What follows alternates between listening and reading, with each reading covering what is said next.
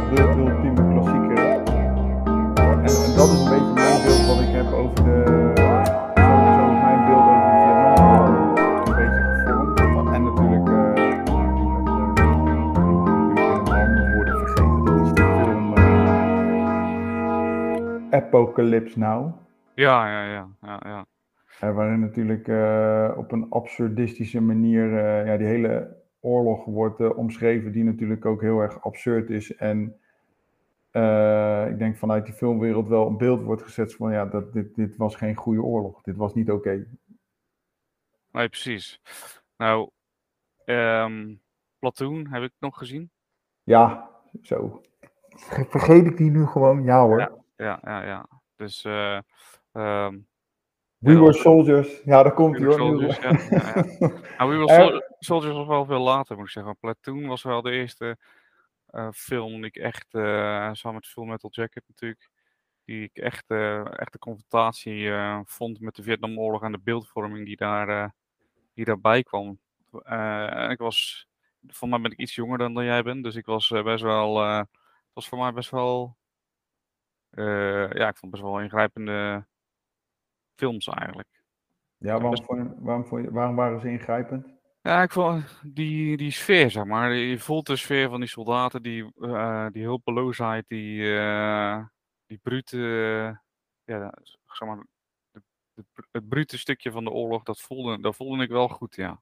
Ja, ja die zinloosheid. Die, ja, ja, precies. En ja, nu schieten er allemaal films doorheen, maar kan je nagaan hoeveel films er dus over dat conflict zijn gemaakt? de Deer Hunter natuurlijk ook. Ja, ja, ja, ja. Uh, maar ja, de zinloosheid van de oorlog en uh, nou ja, de, de, de gedachte over dat die, of die oorlog zinvol was of niet, nou, die was natuurlijk heel sterk. Ook anti-oorlogsdemonstraties, de hele ratten. En nu gaan wij dus vandaag eens kijken hoe die oorlog dus tot stand is gekomen. Precies. En um, ja, waar dan te beginnen? Ja. Ik zou, ik zou dan beginnen eigenlijk bij, uh, de, bij de Fransen. Uh, die, die hebben natuurlijk ja, eigenlijk net zoals eh, Europa in de 18e eeuw uh, door overal in de wereld koloniën hebben. Hebben de Fransen en Vietnam als, onder andere als kolonie. En die maken in, um, in 1887 uit mijn hoofd maken zij een soort unie in, in Azië. Um, en daar valt onder Vietnam onder andere ook onder. En ja, dan zie je dat dat uh, een beetje dommelt. Hè. Die uh, Vietnamezen zijn, zijn daar natuurlijk niet zo blij mee. Net zoals, uh, ik kan het een beetje vergelijken, dacht ik, dat idee had ik in ieder geval met Indonesië en Nederland. Hè. Ja. Die Indonesië ook eigenlijk ja, toch een soort vrij wilde worden. En, um, en um, hoe heet dat? dat was dus ook in Vietnam. En dan komen opeens de Japanners tijdens de Tweede Wereldoorlog. En uh, de Japanse bezetting beviel eigenlijk ook niet zo goed in, in Vietnam. En toen werd Ho Chi Minh met een soort ja, leider van de vrijheidsstrijders. Ja, dat is ook wel grappig hoe die, of grappig, ik zeg dan ook weer grappig, maar dat is helemaal niet grappig. Die Ho Chi Minh, weet je wat dat betekent? Nou, vertel. Ik ben verlicht. Dat is wel grappig. Ja, nou, hij heeft dat wel uh, bewust uh, gekozen. Ja, natuurlijk. Uh, maar dat is ook wel weer ehm, wel interessant om te zien, omdat je als je kijkt weer naar die films, dan zie je vooral in Full Metal Jacket, hè, als ze dan dat liedje hebben waarop ze dus moeten marcheren of moeten speedmarsen, dan wordt er altijd geroepen dat Ho Chi Minh is een son of a bitch. Misschien kan je dat er wel even in meubelen, dat, dat liedje. Dat is op zich wel, wel grappig. Maar die, dat was dus die Vietnamees communistische revolutionair leider.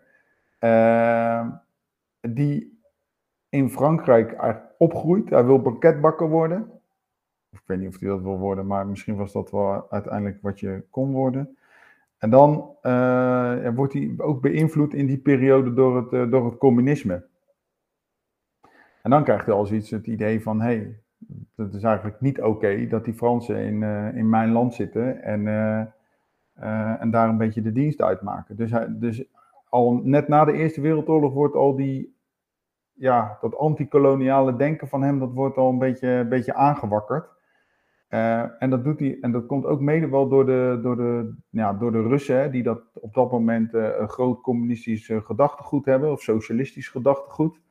En dan in Frankrijk richt hij de, ja, is hij ook betrokken bij het oprichten van de Franse Communistische Partij. Ja, en dan omdat hij natuurlijk overduidelijk is waar hij vandaan komt, richt hij ook nog de Indo-Chinese Communistische Partij op.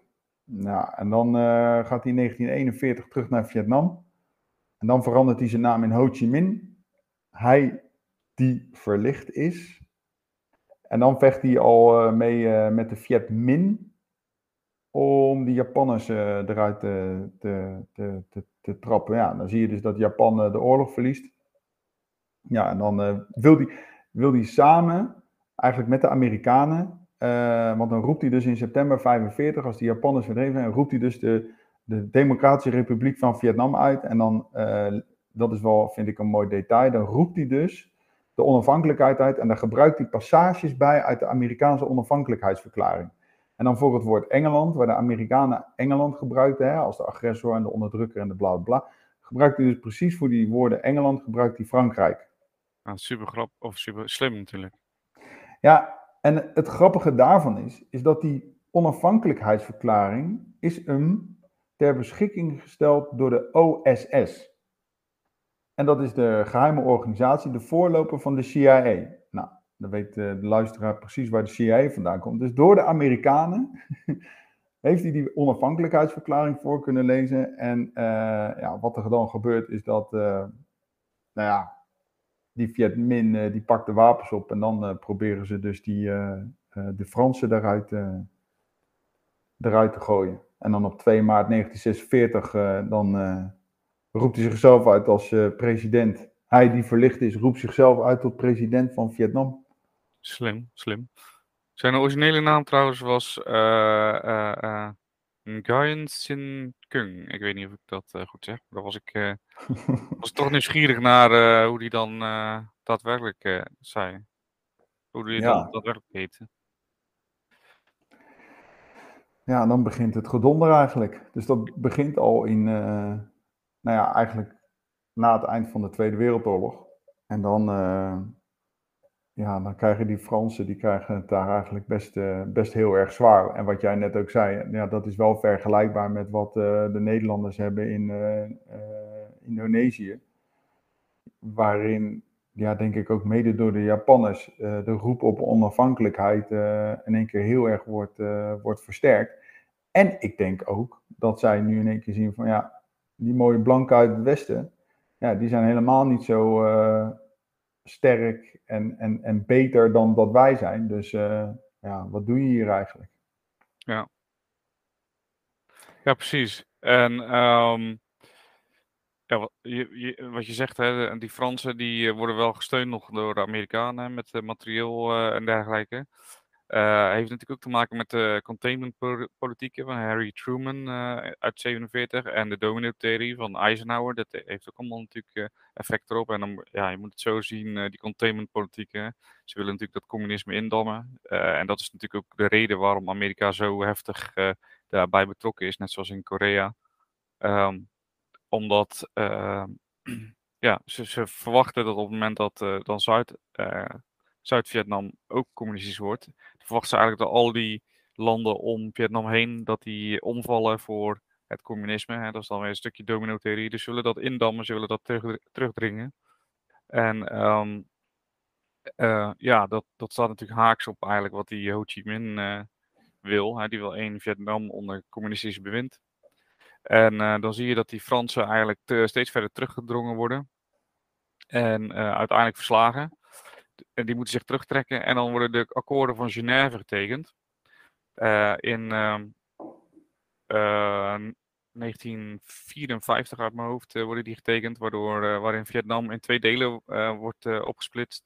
Een Noord- en een Zuiddeel. heel herkenbaar weer van Vietnam. Maar ook van, van Duitsland. Hè, dat er twee Oost- en West delen.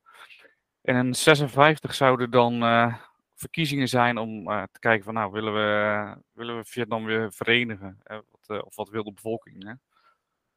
Ja, dat is een goede. Wat wil de bevolking? Ja, dat, dat is wel, denk ik, door heel die Vietnamoorlog is, is dat de grote vraag. Hè? Wat wil de bevolking? staan ze hier wel achter? Want dat is natuurlijk wel iets wat mij al de hele tijd opviel naarmate ik me steeds verder verdiepte. En nu ook weer voor, als voorbereiding voor deze podcast, wat me steeds verder ja, wat me steeds opviel, was dat ik het idee had die bevolking helemaal niet zo zat te wachten op dat, uh, op dat kapitalistische uh, Amerikaanse bewind. En dat wordt natuurlijk gesterkt door de eerste president, Zuid-Vietnamese president, uh, die nou niet echt democratisch was. Hè. Dus alle tegenstanders liet hij oppakken en vermoorden en, en dat soort zaken. Dus ja. ja. Eigenlijk stond de VS en hun, kapitalistische kijk op de wereld stond 10-0 achter uh, bij de bevolking. Ja, en er was ook nog een heel groot probleem dat uh, het kapitalistische zuiden, of in ieder geval de westerse, dachten van hey, als er nu uh, verkiezingen komen, de meeste mensen wonen in het noorden. Dus ja, als er, als er democratisch gestemd wordt, dan zal het wel een, hadden ze de angst dat het dan communistisch zou worden. En dat wilden ze natuurlijk niet. Nee, nee zeker niet. Um, dus deden ze er ook alles aan uh, om dat te voorkomen. En eigenlijk begint dan toch wel, ja, begint of is al bezig dat conflict. Um, um, en als we kijken naar echt het conflict met, uh, met Amerika, dan kennen we toch uh, een aantal fases in die oorlog. Hè. De beginfase, de escalatiefase en uiteindelijk de, de laatste fase. Um, en als we kijken naar die beginfase, dan begint het eigenlijk uh, um, ja, rond november 1955. En dan uh, nemen de Amerikanen nemen dan officieel het gezag in Zuid-Vietnam over van de Fransen. En ze richten daar het Military Assistance Advisory Group op, dus uh, de MAAG in het plat Nederlands. En die moeten Zuid-Vietnamese Zuid militairen moeten zij ondersteunen, training geven, ja, een soort ja, nou ja, dat, herken je wel uit, uh, uit de afgelopen jaren ook, waar in Afghanistan natuurlijk uh, ook uh, adviseurs zaten die het Afghaanse leger moesten trainen. Dit gebeurt nu as we speak in Oekraïne ook. Na 2014, de inval van de Krim, was het Oekraïense leger, wat natuurlijk een, een voormalige Sovjet-staat was, en ook zo hun leger hadden ingericht. Daar zijn natuurlijk ook Amerikanen naartoe gegaan en westerse instructeurs om, om dat leger om te vormen tot een nou ja, modern werkende uh, ja, leger, waarin je dus een command- en controlstructuur hebt die goed functioneert. En dat zie je dus nu ook in, de, in die oorlog, dat, uh, nou ja, dat dat Oekraïnse leger steeds meer westers georiënteerd is. Waarbij er nu niet alleen maar meer uh, instructeurs naartoe worden gestuurd om te trainen, maar dat er ook nu wapens naartoe worden gestuurd. Nou, dan kan je vol gevoeglijk voor aannemen dat nu EU, dat ze nu kandidaat lidstaat zijn, dat, dat het zeg maar diplomatisch ook al aan het escaleren is. Daar, daar gebeurt precies hetzelfde. En dan heb je een hele mooie term voor die ik ook nog niet eerder had gehoord. En dat was dus in, de, in, in die Vietnamoorlog ook. Dus dat het een, een proxyoorlog is. Dus dat de grootmachten aan de achterkant, achter de schermen, ja, een, een, oorlog uitvoeren die, nou ja, die gaat over hun, uh, ja, hoe noem je dat?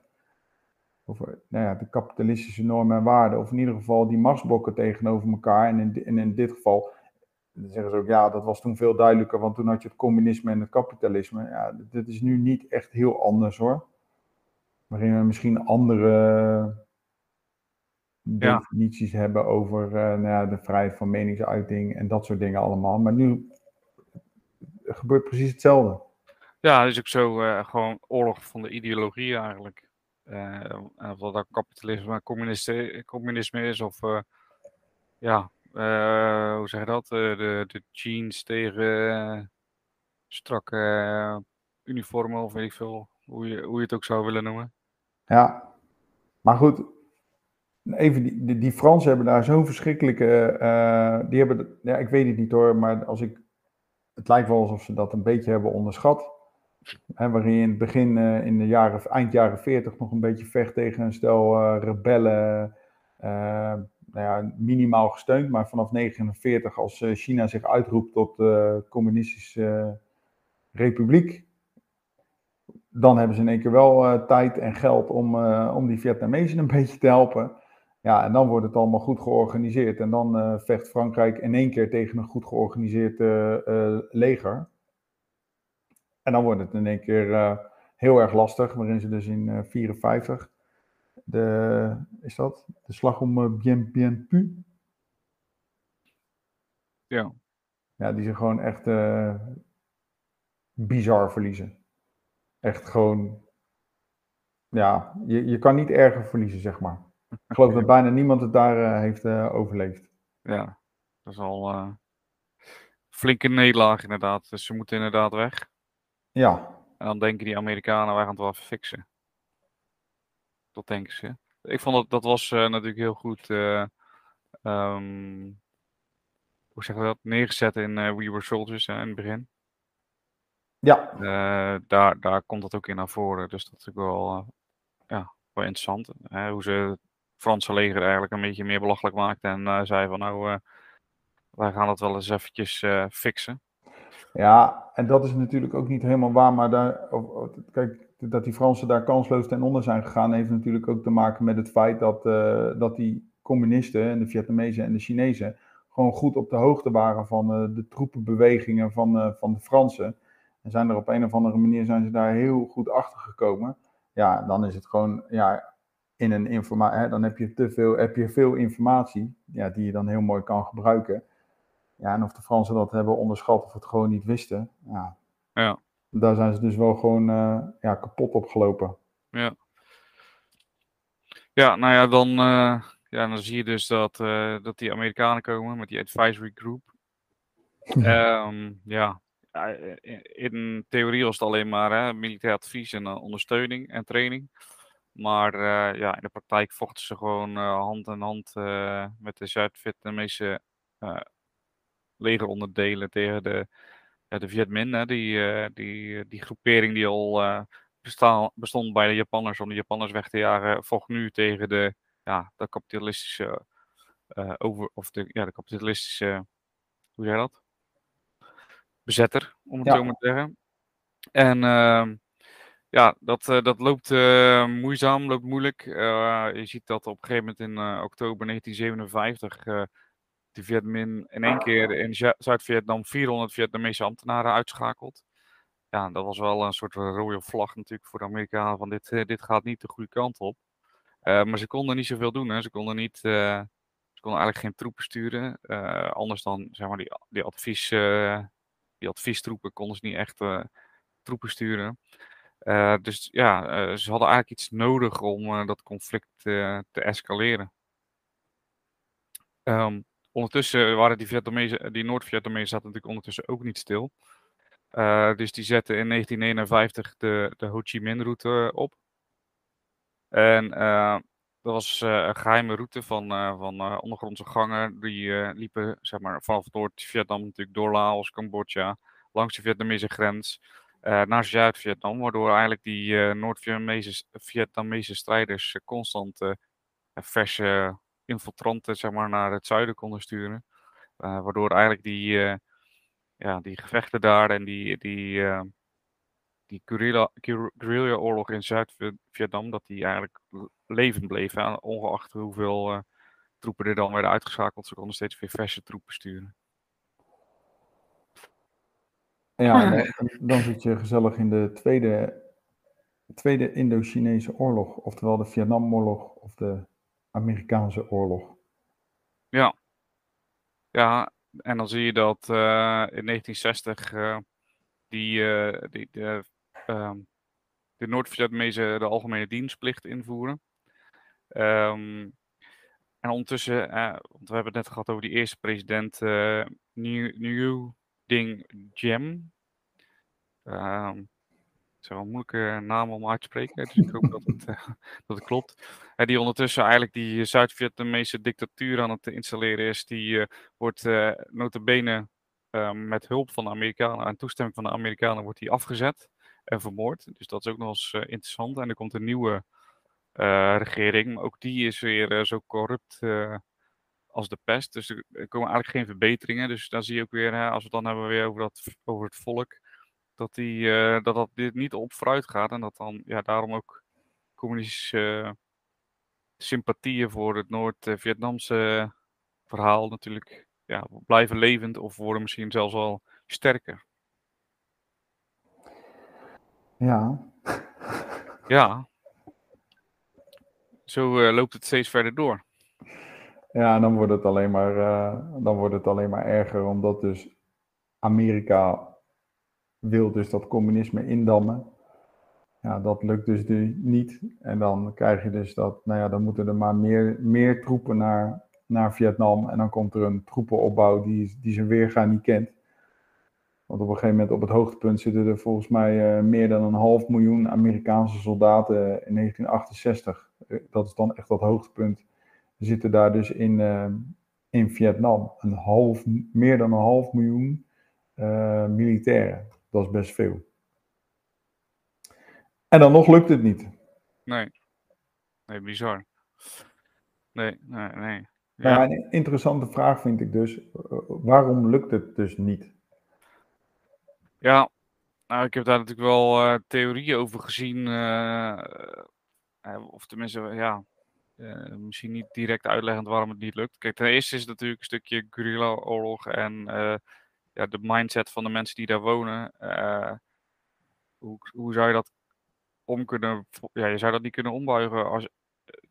We hebben het gezien in Afghanistan. Misschien is dat een goed voorbeeld, hè, dat je daar bent en diverse plekken controleert en, en dat je safe zones of, of Taliban-vrije zones creëert, ik weet niet. Maar uiteindelijk eh, komen ze terug. Als, op het moment dat je weggaat, komen ze terug. Eh, want ja, die mindset van die bevolking daar is heel anders dan dat je, dat je hoopt natuurlijk eh, dat het wordt. Nou, ik denk dat het gewoon komt omdat je het compleet voorbij gaat aan het luisteren van hoe is de cultuur daar. Je dringt, uiteindelijk hebben de Amerikanen daar ook gewoon een, een structuur opgedrongen. En ik denk dat de grootste fout is dat zij daar een regering hebben geïnstalleerd die met mensen die ook nog eens een keer onder het Franse bestuur hadden gediend. Dus ook onder de bezettingsmacht hadden gediend. Zo uit, in de ogen van de, van de lokale bevolking.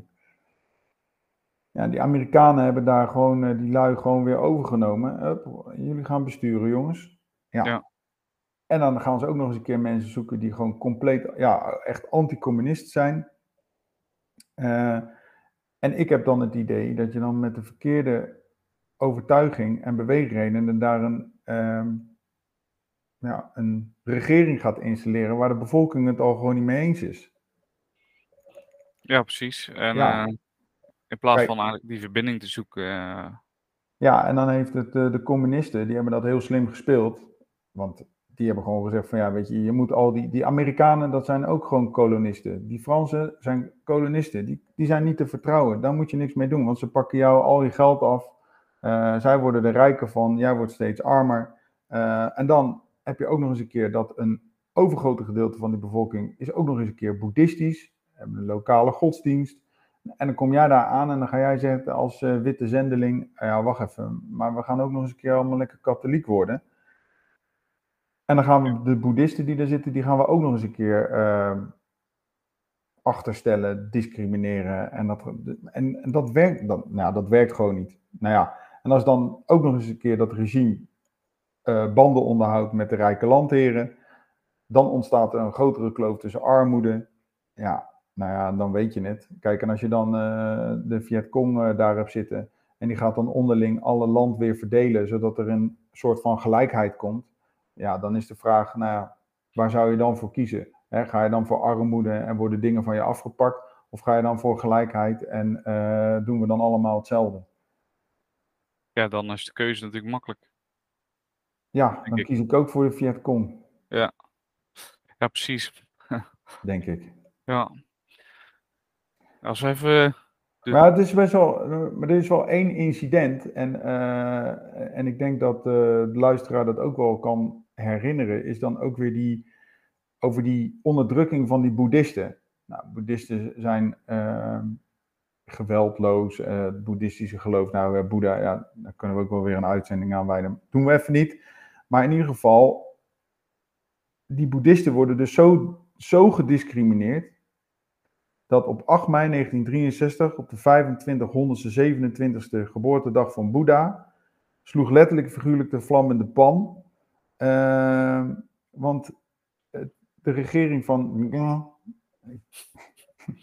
Die, die gaan dus het vuur openen op boeddhisten. Dus moet je even voorstellen, hè, dus dat eh, ongewapende mensen, daar ga jij even lekker op vuur, omdat die mensen demonstreren. Nou, om het verbod om de geboortedag van Boeddha te kunnen eh, vieren. Nou, dan krijg je rellen. Ik weet niet of de regering daar toen de tijd over heeft maar dan krijg je dus ellende. En het ergste is dus, en dat, dat zijn iconische foto's van die boeddhist die daar zit en zichzelf in de fik steekt. Dus dat, dat, dat jouw protest dus is om jezelf in de brand te steken. Nou, Ja, bizar, hè? die, die foto's die staan letterlijk en figuurlijk, en vergeef me de uitdrukking, die staan letterlijk op je netvlies gebrand. Ja. En dat dan niemand daar dan door heeft van, nou jongens, wat we nu doen, dat is echt niet goed. Dus dan moet je zeg maar met, met dat, dus het onderdrukken van mensen en het, eh, het wegzetten van, eh, nou ja, hè, de verschillende bevolkingsgroepen met een verschillende geloof, cultuur, achtergrond, dan ga je lekker op schieten, omdat het niet, eh, ja, het, het strookt niet met jouw opvattingen. Je- hoeveel draagvlak binnen je bevolking heb je dan nog? Ja, precies. Niks. En ook de reden waarom je dus eh, eigenlijk nooit zou kunnen winnen.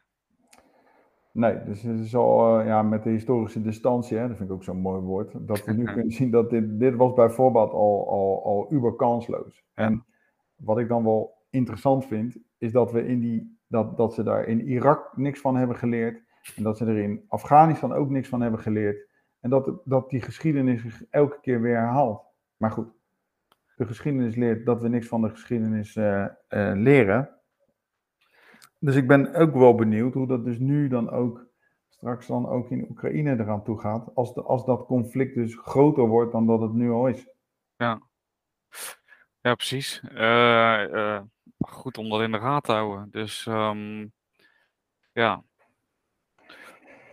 Ja, Nou ja, goed, dit, dit is een mooie voor deel 2, want ehm, uiteindelijk is dit dus de uitgangspositie waarin dus de Amerikanen, en dit gebeurt dan in 63, hè, waarin het al een tijdje niet helemaal lekker loopt en dat we meer troepen moeten sturen, meer troepen moeten sturen. Dit, dit wordt dus zeg maar de aanzet, de beginsituatie van eh, tot 1975, waarin de Amerikanen dus eh, zich terugtrekken uit, uit Vietnam. Ja. En dan was het tot aan de Afghanistan-oorlog, was het het langslopende conflict waarin de Amerikanen zich, ja, zich aan, aan hebben deelgenomen.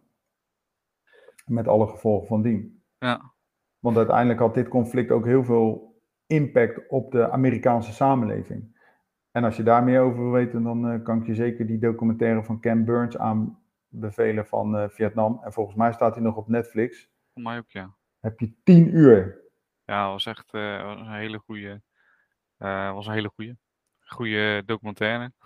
Ja, die, eh, ja, die Amerikanen proberen dat dan, hè, met die coup proberen ze dat nog een beetje te herstellen, wat jij eh, nu ook schetst. Hè, want die, eh, die, die boeddhist was ergens 11 juni of 11 juli volgens mij in 63. En op 2 november wordt dan die Zuid-Vietnamese president afgezet en gedood door een militaire coup die door ja, de Verenigde, Verenigde Staten min of meer goedgekeurd was. Ja, Ehm, dus op die manier proberen ze dat dan nog een beetje te herstellen. Maar ja, ook dat, als, je, als hetzelfde regime terugkomt, maar onder een andere persoon, dan eh, wordt het niet veel beter natuurlijk. nee, precies. Ja, en dan eh, denk ik dat het misschien goed is om eh, naar volgende week door te schuiven. Naar, de, om de, daar de escalatie en, de, en de oorlog zelf te bespreken. Ja, dan lijkt het me inderdaad, eh, dat, want dan vindt dat Tonkin-incident plaats. En dat is Ja. wel een mooie uitgang, eh, uitgangspositie om, ehm, nou ja, hoe Amerika zich dan eh, legitimeert om full force deel te nemen aan het, aan het conflict. Ja, precies. Ja. En je ziet die troepenbouw eh 60 eh, adviseert Maxwell Taylor en Walter Rostow bezoeken Vietnam en adviseerde Kennedy, eh, die op dat moment president is geworden, van eh, stuur meer grond, grondtroepen heen met als dekmantel eh, hè, om hulp te bieden bij overstromingen. Ehm, nou, en Kennedy doet dat niet, maar stuurt wel materiaal van adviseurs. Nou, in 62 wordt dan die AMAC opgericht, hè, de Amer- American Military Assistance Command. Waardoor de, het aantal adviseurs wordt vergroot van 700 naar 12.000. Eh, dus dat zijn behoorlijk wat adviseurs. Kun je best wel wat adviezen geven, denk ik. Ja, Eh, en eh, eind eh, 1963 is het zelfs opgelopen tot 15.000 adviseurs. Eh, en pompen de Amerikanen ook nog eens 500 miljoen dollar eh, aan financiële steun eh Zuid-Vietnam in. Ja, en dan zie je inderdaad dat het eh, samen met die coup en, eh, en het incident dat de Amerikanen toch iets nodig hebben om echt eh, met grondmaterieel eh, daarheen te gaan. En dan eh, komt inderdaad als een soort geschenk uit de hemel. De vraag is of dat zo is natuurlijk, het Tonkin-incident. Zullen we die nog gewoon pakken even? Uitleggen wat, uh, wat dat inhoudt? Of zullen we die bewaren tot uh, als soort uh, cliffhanger voor de volgende keer? ja, je hebt de vraag al beantwoord, hè? En we houden hem als cliffhanger voor de volgende keer. Precies. Dus wil jij nou weten wat het Tonkin-incident is? En ja, wat voor gevolgen het allemaal wanneer heeft voor, die, voor dit incident, of voor deze, ja, dit internationaal conflict, dan, dan moet je volgende week weer luisteren. Toch? Absoluut. Zeker. Zeker. ja. Uh, bedankt voor het luisteren in ieder geval naar uh, deze aanloop tot, uh, tot en de uitgangspunten die we nu geschetst hebben voor de, voor de Vietnamoorlog. Um, ja, als je nog vragen hebt of opmerkingen, stuur ze naar geschiedenis.paulushistoricus.nl En wij zijn er volgende week weer. En dan gaan we het hebben over het Tonkin-incident en, en de gevolgen ervan. Goed plan. Tot volgende week. Yo.